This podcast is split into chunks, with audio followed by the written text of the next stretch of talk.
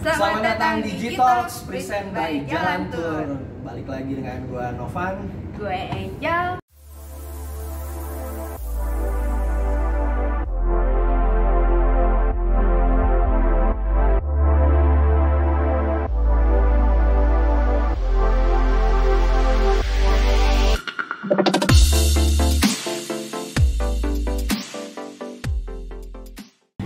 Gini, mungkin awalnya gua mau jelasin dulu ya sama jalanan semua ya. Uh, G-Talks itu sebenarnya sebuah acara uh, podcast ya mungkin lebih detailnya. Tapi di podcast ini nih kita coba gimana caranya menguak sisi lain dari sebuah uh, dunia pariwisata. Yap. Jadi kita kaitkan juga dengan uh, isu-isu yang beredar di saat ini. Terus itu kita juga uh, coba uh, menguak uh, apa sih yang menarik di dunia pariwisata uh, jika dikaitkan dengan kehidupan kita sehari-hari. Asik banget. Jadi biar nambah pengetahuan buat jalan Benar. ya. Tujuan utama kita kita mau uh, acara ini uh, agar bisa uh, berguna ya. Yang pastinya bisa membuka wawasan jalaner semua, bisa memberikan pengetahuan, bisa memberikan masukan, ide, atau mungkin bahkan bisa menjadi suatu referensi bagi jalaners yang uh, mau berwisata ke Jepang ataupun Yes. di luar Jepang gitu ya. Jadi program ini diharapkan bisa membuka uh, knowledge ya, knowledge dari jalaner semua. Gitu. Nah, untuk di episode pertama dari G-Talks podcast ini, Yes. kita bakal membahas satu tema, satu topik yang mungkin Lagi hot-hotnya nih sekarang Yeah, ini.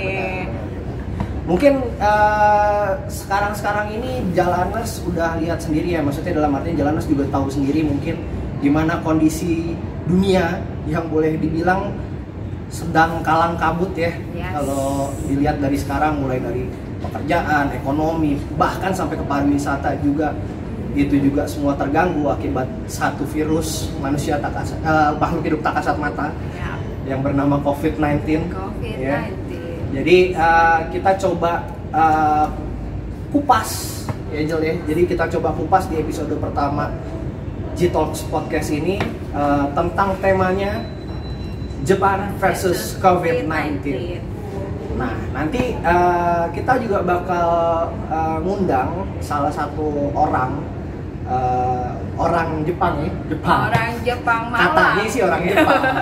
Katanya orang Jepang, kita coba undang dia sebagai salah satu narasumber.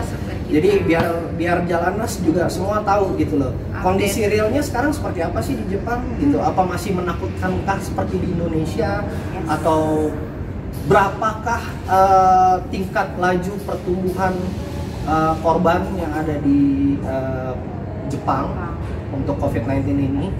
Nah, nanti kita bakal kupas semuanya dengan satu orang narasumber yang bisa kredibel, yang bisa dipercaya. Gitu ya. Jadi stay tune terus jalaners. Oh, kita sudah tersambung ya. Halo, Bud. Siang, Budi. Siang, Bud. Konnichiwa Budi-san. Apa kabar, Budi? Dengar gak? Dengar siapa ini? Dengar Novan aja, Angel hanya butiran debu di sini. Apa kabar, Bud? Sehat, Bud? Baik, siap. Sehat ya. Ya ini salah satu narasumber yang bakal kita undang Ih, narasumber. narasumber ya Artis kan? dari Jepang. Kita ngobrol-ngobrol santai aja Bud di sini Bud. Oke Bud. Iya. Oke kita mau coba tanya-tanya nih Bud. Kita lagi coba mau berbagi pengetahuan nih, berbagi pengalaman juga sama jalaner semua, customer eh, tercinta kita ya. Yes. Jadi kita coba membukakan mereka wawasan. Jadi eh, sebelumnya mungkin bisa perkenalin diri dulu Bud. Hah? Perkenalin diri dulu. Namanya siapa Bud? Nama lengkapnya? Kita nggak nggak tampakin mukanya tapi bayangin karena orangnya ganteng banget. ya. Nih. Ayo perkenalan diri Budi. Sa- Iya, nama saya Budi. Namanya Budi ya. Nama panjangnya tuh Budi Santoso. Iya, tahu aja lu. Iya dong, tahu dong kan paspor lo kopinya sama gue. ya jadi Budi Santoso ini eh, apa ya kita bilang panggilnya biasa panggil Budi ya. Budi ini nih salah satu eh, lokal guide eh, rekanan kita yang sering kita ba- pakai banget nih kalau lagi ada grup-grup yang kalau mau berangkat ke Jepang itu kita pasti pakai dia gitu gitu ini lebih sering intensitasnya kita pakai ketimbang lokal guide lokal guide lain Iya. karena salah satu eh, mungkin apa yang jadi pertimbangan kita ini sekedar promosi juga nih ya Bud ya di sini ya Bud Iya. Budi ini kalau dibilang eh, orangnya eh, apa ya? supel ya kan. Terus abis gitu juga nggak kaku-kaku banget. Jadi kalau jalanan semua udah pernah berangkat ikut tur, kadang ada lokal guide yang kerjanya buru-buru doang maunya ya kan. Gimana caranya supaya waktunya tetap tepat waktu. Yes. Nah kalau Budi tipikal orangnya nggak begitu tuh. Tetap ngeburu-buru tapi dia selalu coba juga memberikan suatu solusi biar tamu juga tetap rileks, tamu juga tetap bisa nikmatin perjalanannya gitu ya. Oke, Bud, mungkin gini Bud, Uh, back to topic Bud. Kita kan mau bahas soal Jepang versus COVID-19 ya Bud ya. Iya Ya Bud. Jadi mungkin lo bisa ceritain nggak Bud? COVID-19 selama Jepang. kurang lebih kurun waktu hampir berapa ya? Di Jepang mulai dari starting kapan sih Bud? Berkembangnya tuh Bud? Eh, yang terakhir waktu grupnya jalan terakhir itu grupnya Pak Irfan Oh grup, oh, oke Oh, oke, grupnya Februari. Februari. Februari ya. Iya ada grup. Ya grupnya Pak Irfan Februari. Februari yang gua sama si siapa itu sama Kamu sama Ninda. Ninda Ninda Iya. Ninda, sama Ninda oke Februari. nah itu itu udah udah mulai banyak kan itu Udah mulai. Kan ada supir yang kena kalau nggak salah kan waktu Iya, itu udah. dimulainya Januari kan dari- udah supir udah ada yang kena tuh. karena bawa dari turis Cina ya. kena. Iya. Iya. Berarti berapa bulan tuh Februari, Maret, Februari, April, Mei, sekarang apa Mei kan? Mei. Eh Juni. udah Juni, udah lima bulan ya. Iya. Ya update-nya Jadi, gimana tuh Bud? Sekarang sih em, dari bulan Januari, kita, ngitungin dari Januari aja kan. Peaknya kan mereka Januari kan. Kalau di Jepang kan Hmm? Januari Februari mulainya. Nah lu denger nggak? Jadi starting jadi baru Januari Februari ya maksudnya ya. Januari Februari. kan Januari Februari itu dia mulai starting. Iya. Nah tapi untuk kurvanya kan tuh meningginya itu kalau nggak salah kalau gue baca dari beberapa sumber itu ada di Maret April malah Bud kalau gue lihat di sini ya. Aprilnya itu gue lihat kurvanya udah lumayan tinggi juga ya di sana ya. Maret, April. Gitu. Nah selama eh, jangka waktu tersebut lu kan maksudnya di sini kan lu kan tinggal di Jepang nih ya so far ya oh ya sekedar informasi Budi udah lama menetap ya di Jepang ya Jalaners ya jadi kenapa makanya kita coba undang dia? Karena dia pasti tahulah hal relevan apa yang terjadi di Jepang selama COVID-19 ini. Jadi eh, yang lu lihat selama lu berada di sana Bud apa sih yang dilakukan sama pemerintah Jepang tuh? ya eh, apa ya? Mereka satu mereka tidak bikin eh, lockdown jadi mereka eh, kantor Oke. masih tetap buka Hmm, cuman mungkin eh, social distancing pasti. sama ya kita harus pakai masker terus hand sanitizer Mhm.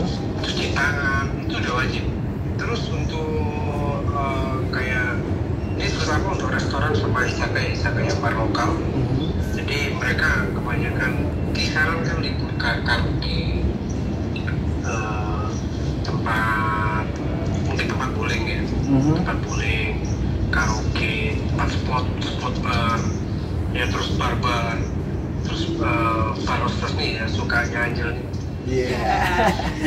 Lo jangan buka kartu dong. Aduh nggak jadi jualan di sini. itu Terus itu disuruh tutup entertain Itu ya. apa? Ya, terus sama tempat gym. Karena beberapa kota waktu itu peaknya mereka kebanyakan klasternya itu ada di tempat gym. Di tempat Oke. gym kalau di Jepang. Tempat gym. Oh. Ya di sini saingan ya sama GBK. Aduh. Terus Nah, eh, jadi mereka dulu dia kayak apa eh, toko-toko bar-bar. Mereka bar-bar terutama yang yang menyediakan mereka kayak eh, semacam bar hostess gitu. Iya. Mereka banyak tutup. Tutup terus kayak karaoke, eh, tempat main bowling, banyak tutup. Terus uh, izakaya kayak lu kan pernah kan kalau malam kita jalan-jalan Iya. ke izakaya minum Iya, kayak di bawah Osaka tutup. Station tuh ya.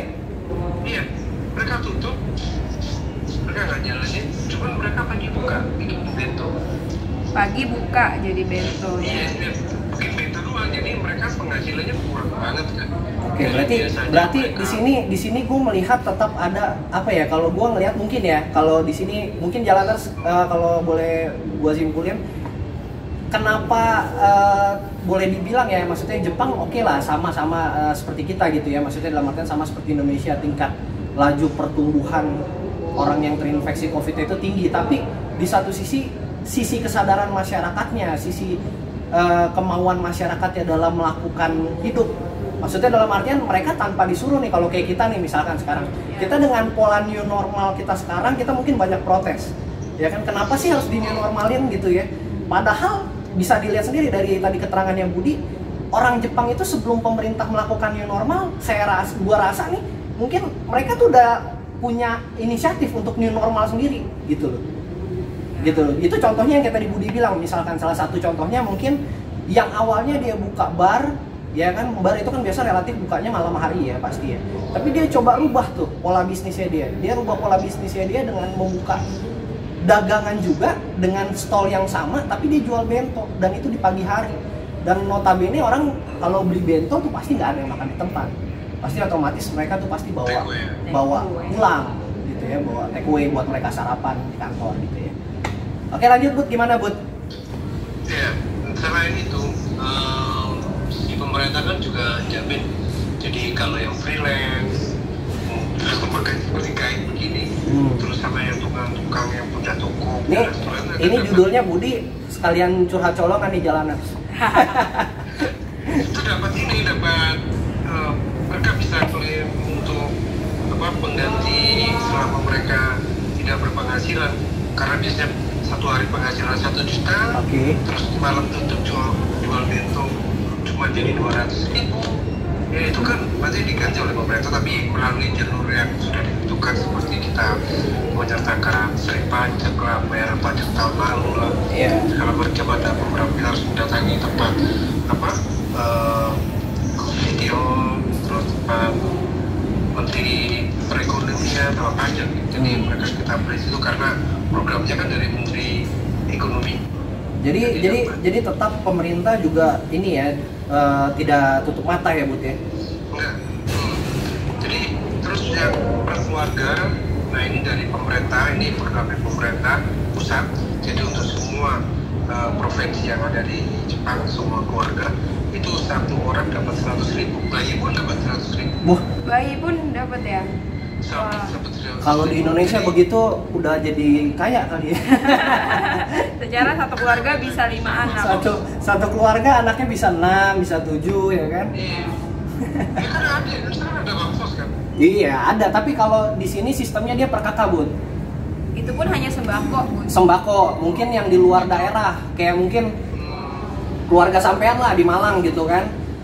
Di Malang tuh mungkin dia ng- ngasihnya duit cash buat bentuknya karena mungkin kan distribusinya jadi susah ya kalau misalkan kita pakai sembako ya itu besarannya kurang lebih sekitar 600 ribu dari pemerintah pusat hmm. gitu bu gitu jadi perbedaannya Jadi- itu ya di sini kan misalnya kakak ya misalnya suami istri anak dua berarti empat orang Mhm. Hmm. nanti mereka dapat satu nanti ada surat dari Sidiol Mhm. Nah nanti di surat tuh udah tertera nama-namanya. Misal suami istri anak satu anak dua siapa. Itu tulis. itu dijamin semuanya pasti rata ya Bud ya? Maksudnya merata ya? Rata.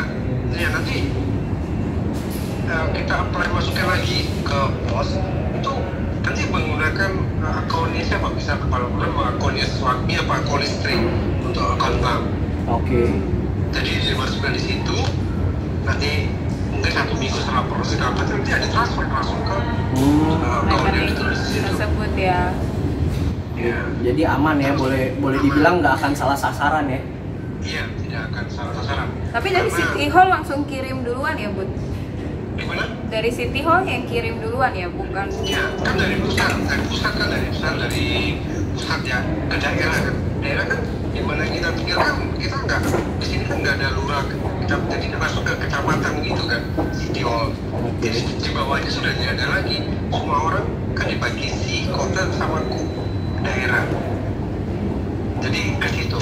Jadi nggak ribut nggak ada RT RW kan. Nggak chaos ya, Bud, ya? Iya, teratur lah data-datanya dari pemerintah juga bisa udah mungkin udah online. lihat ya. Bisa Oh, benar udah online Makanya terjamin. Nah, sekarang kalau misalkan untuk dari dunia pariwisata sendiri, Bud, kan kan boleh dibilang ya sama lah ya.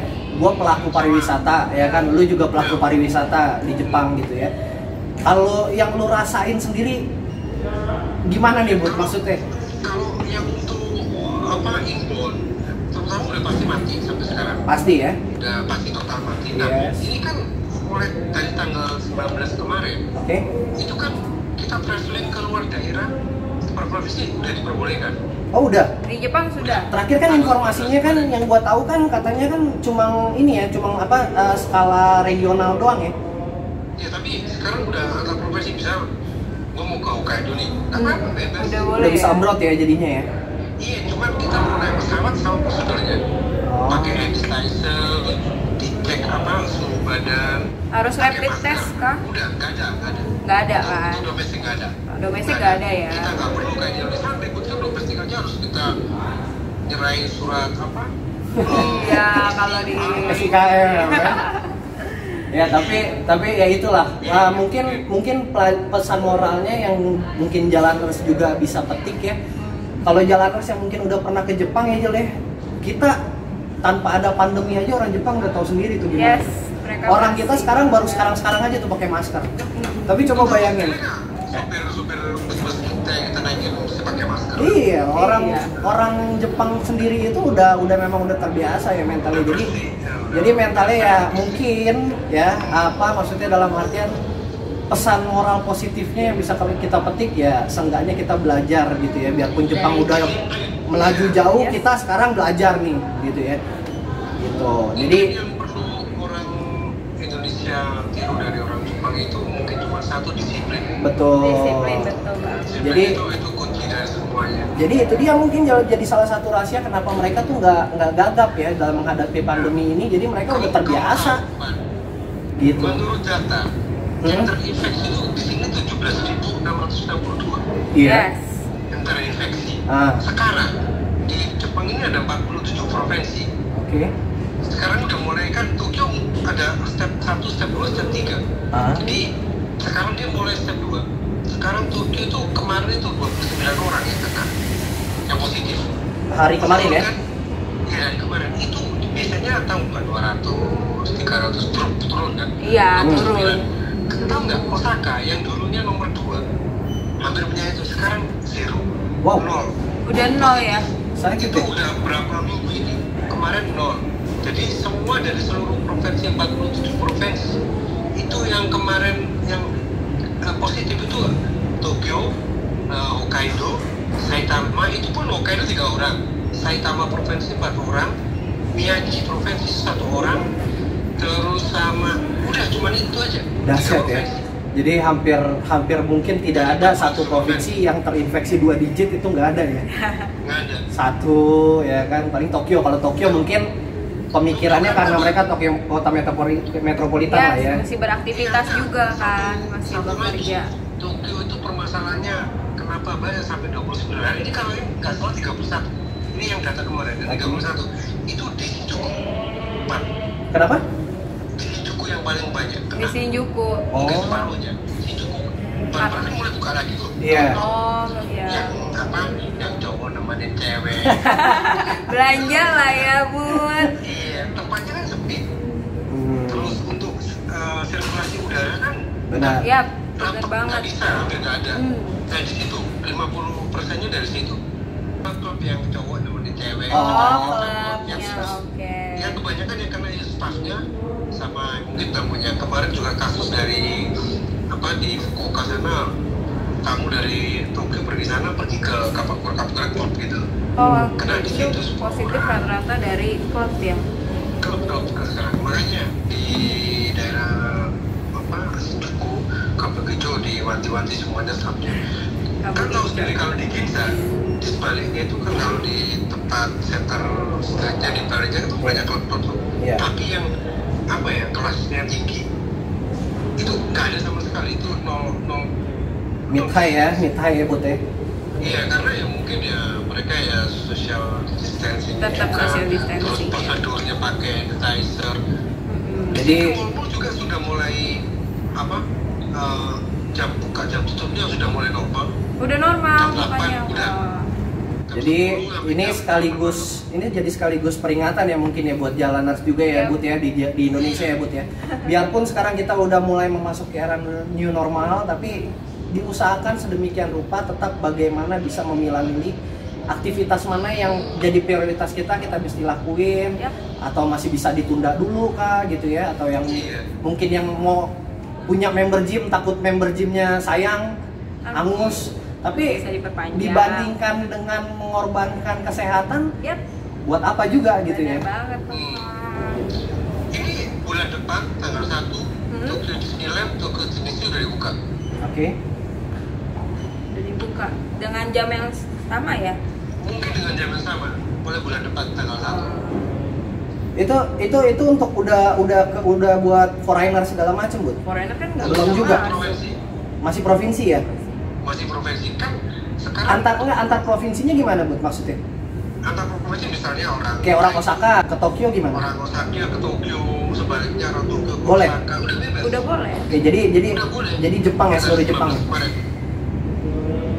gitu. Kan sekarang yang kendalanya kan orang yang dari luar negeri. Kalau orang yang dari luar negeri ini ada satu contoh teman kemarin pulang. Oh yang boleh masuk sini sekarang orang dari luar negeri itu yang punya PR oke permanent resident ya? Teman residen tapi tetap dia kena PCR harus oh bisa. harus tes dulu on the spot ya? Jadi turun dari pesawat sebelum sebelum apa turun dari pesawat itu dites PCR nanti dikasih selebaran Mhm. yang suruh tulis terus tes PCR terus dia pulang ke rumahnya. Dan itu difasilitasin ya bud ya? Enggak ya cuma pulang ke rumahnya tidak boleh menggunakan taksi Enggak. atau angkutan umum. Sorry sorry bukan. Maksud gua gini Tesnya. tes PCR itu sendiri difasilitasin sama pemerintah ya jadi di- Iya. on the spot di bandara ya? On the spot di bandara waktu Oke. itu itu bagi pemegang PR yang bagi pemegang visa bisnis nggak ditolak. Hmm. nggak boleh masuk. Oh, nah oke nanti eh, yang jemput itu harus keluarga sampai ke rumah. Itu itu pasti di di asis tuh bud. Maksudnya dalam artian dipastikan benar-benar tuh sama pemerintah tuh. Iya jadi harus jemput misalnya dia tidak bisa dijemput pemerintah harus tinggal di hotel sebelah daerah eh, airport selama 14 hari. Terus Oh. karantina self berdiri sampai hasil PCR-nya keluar. Oke. Jadi mesti nunggu 14 hari dulu lu baru boleh pulang ke rumah lu ya ke tujuan lu ya? Iya. Tapi kalau memang ada yang jemput, Kalau ada yang jemput, boleh ada yang jemput apa. Iya. pulang harus karantina mandiri sampai mungkin satu dua hari keluar kan hasil PCR-nya lewat email nanti atau dua hari sih katanya kalau swab. Terus, ah. terus sampai itu ya tetap mereka harus karantina sampai 14 hari baru keluar. Nah sekarang cepat lagi bikin eh, kemudahan tapi yang untuk pebisnis ini masih di Vietnam, Selandia Baru, eh, Australia, Mhm. empat, empat negara ini yang mungkin untuk bisnis boleh masuk Jepang. Di luar itu masih masih masih nggak boleh ya? Prohibit semua ya? Masih nggak boleh. Iya. nah cuma mereka tetap harus seperti yang tadi PCR kayak apa PCR harus 14 hari eh, apa? Untuk mandiri untuk apa? Eh, isolasi mandiri. iya isolasi mandiri. Gitu. Tapi sekarang udah udah mulai rumah lagi di depan ini rumah gua. Hmm. di bawah itu ada tukang yakitori 4 jam. Udah buka ya bisa minum highball ya bud. Dari dulu beli ya berani itu dulu iya lu tak begitu orang dia ta- dia tahu bud dia tahu lo konsumen sejatinya dia. Dan dia duh, apa nggak pernah tutup dan konsumen yang jual itu anak muda gitu. Rame banget tapi sekarang nggak ada masalah tetap buka terus. Aman aja. Kemarin kan gue juga lari-lari nih Ah. dekat ada taman ya gue pakai masker tuh waktu lari gue nggak pakai masker. Iya. ya banyak orang-orang udah sudah mulai normal ya cuman mereka ya apa tetap kayak masih kalau berjaga lah ya Iya kalau se family mah tetap eh, di depan kasirnya itu kasih plastik Hmm. kasih plastik jadi antara pembeli dan penjual itu ada snapnya plastik gitu Sama Bud, di Indomaret di sini juga udah begitu Bud. udah dijedain. Udah ada jedanya Bud. Hmm. Kayak nggak muncat-muncat. Droplet, droplet. kalau kalau masuk mall kan dicek itu kan Masuk ditembak dulu Bud, jangankan jangankan ke mall Bud. Kita saben hari aja Bud, abis kelar ke Family Mart, balik ditembak lagi, balik tembak lagi Bud. Iya. nggak apa emang harus gitu di sini Benar, benar. Memang itu salah satu langkah preventif yang bisa dilakukan. gitu. kalau di sini dia masuk dicek keluar nggak tapi ada juga monitor jadi kayak kita keluar dari pesawat kan Hmm, hmm. imigrasi jadi kayak ada sensor apa tubuh itu dia punya sekarang udah mulai masuk seperti itu dan kayaknya sudah mulai normal lagi cuman ada beberapa mungkin ya untuk mereka pelan step untuk apa dalam negeri sendiri eh, ke depan apa nanti kan ada summer vacation Hmm. liburan musim panas Jadi bentar mereka- lagi ya. Iya untuk yang di dalam negeri mereka persiapan untuk pembukaan liburan musim panas seperti apa Milan sudah dibuka, New Disney dibuka, yang Ryokan, dulu kan Universal Studio udah dibuka, cuman untuk orang Osaka tapi sekarang udah dibuka untuk Seluruh Jepang ya. 19 ke warga untuk untuk terbebas. Itu. Oke, jadi berarti kesimpulannya mungkin gini ya, kalau di Jepang itu ternyata nggak seseram dan Eh. sehoror yang kita pikirin ya. Maksudnya dalam artian kemarin kita kan eh, di Indonesia ini sempat eh, apa ya, sempat takut, sempat juga eh, boleh dibilang risih dengan kabar kedatangan berapa ABK tuh Bud. Hmm. ABK yang dari Diamond Princess itu kan. Ah, Hmm. Ya kan itu kita sempat itu kan ibaratnya itu kan eh, momok pertama kita tuh di orang Indonesia tuh itu momok Hmm. pertama itu belum ada kasus pertama tuh belum Enggak. ada seingatku itu belum belum ada tuh belum kasus pertama tuh yang belum ada kan Iya, jadi iya, intinya iya. baru baru baru mau dipulangin Hmm. orang-orang Diamond Princess itu padahal ternyata mereka juga nggak nggak nggak terkena nggak terinfeksi juga gitu loh. Gitu nah ternyata malah orang Depok. Orang Depok kan pertamanya itu kan kasus pertama kan di Indonesia tuh di Depok yang terdeteksi ya. Jadi sebenarnya gitu mungkin mungkin apa ya eh, yang bisa dipetik pelajarannya di Jepang yang kayak tadi gue bilang mungkin dia memang negara negara besar. Ya sama boleh dibilang dikatakan sama kayak kita gitu ya tapi di satu sisi mereka juga kesadarannya juga udah ada gitu dari awal. Iya.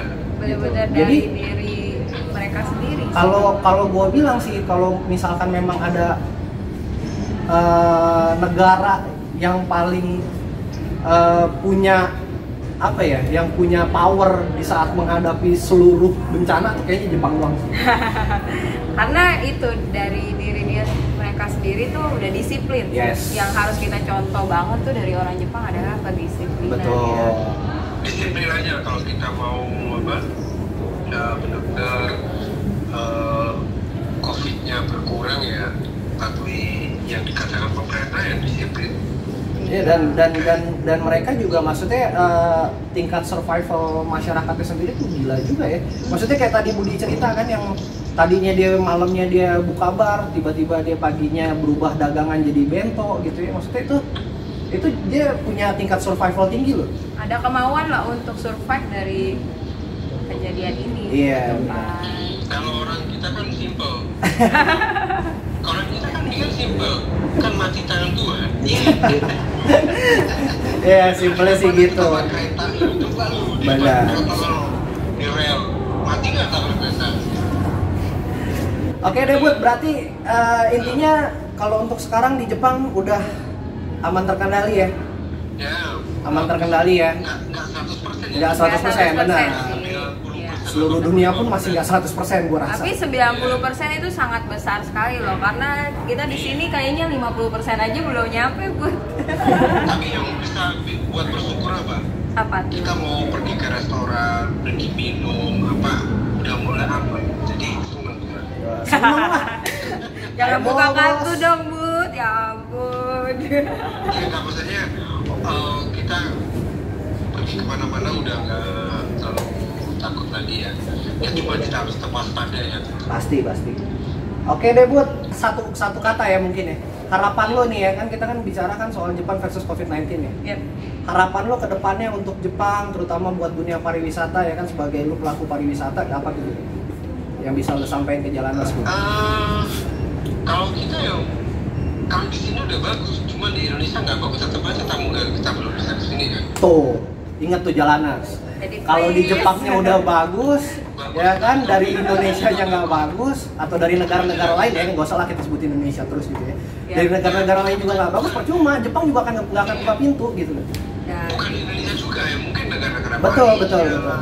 Betul. lain. Jadi jadi ya yang yang sekarang kerja kita untuk pariwisata ya harus ngasih apa ya ngasih kesadaran ke tamu-tamu klien kita supaya kita kasih pengertiannya baiknya bagaimana ya kalau kita mau tempat bikin traveling aman ya harus ya disiplin lagi dari Betul. kita sendiri ya, Iya, kita yang dari kita mulai sendiri, nah. buat semuanya. Yap, iya benar banget. Oke deh, Budi, thank you banget Thank Bud. you banget udah Buat ngobrol-ngobrol waktunya, sama kita. Oke, Budi, sehat terus ya, Bud, ya. Terus ya. See you Bud.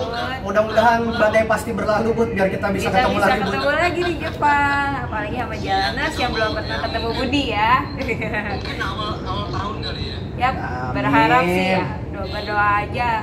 Oke, Budi. Ya. Bud, thank you ya Bud sekali lagi Bud ya. Thank you, Bud. Itu dia ya, tadi udah denger ya uh, bincang-bincang kita sama Budi ya. Keren banget ya Jepang, Novan. Aduh. Emang parah sih, maksudnya dalam artian ya mereka orang kita mandang mereka aja maksudnya uh, boleh dibilang ya kayak karena kemarin yang tadi gue bilang ya yang gue ceritain kasus Diamond Princess itu ABK nya kita mandang mereka aja uh, sebenarnya tuh kayak momok gitu kayak Iya. wabah tapi toh ternyata si momok itu aja bisa lebih cepat membalikan keadaan gitu Iya. daripada kita.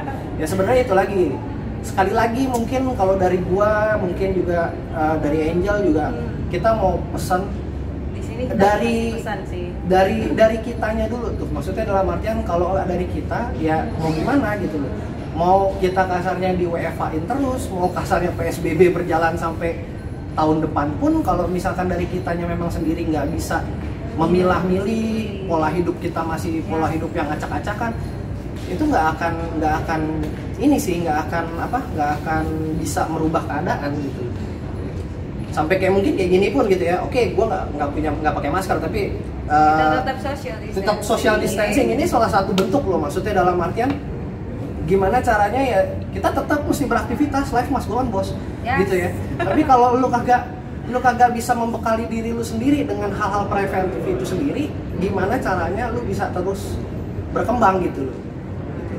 Memang kalau buat berkembang di masa-masa sekarang mungkin susah ya banyak orang banyak ahli ekonomi lah dalam artian Ya. banyak bilang untuk berkembang di masa-masa sekarang itu mungkin sulit yang hanya anda pikirkan untuk saat ini ya cuma buat bertahan hidup Survive, yes. gitu. Have to survive. Yes, Itu sih. survive years ya. Gitu. 2020 adalah tahunnya untuk kita survive. Amin. Jadi kita uh, harapan kita juga berdua ya Jel mungkin kita sama manajemen, sama rekan-rekan yes. di Jalan Tur semua kita berharap gimana caranya supaya badai ini, badai pandemi Pandemi Covid ini ya, bisa cepat berlalu.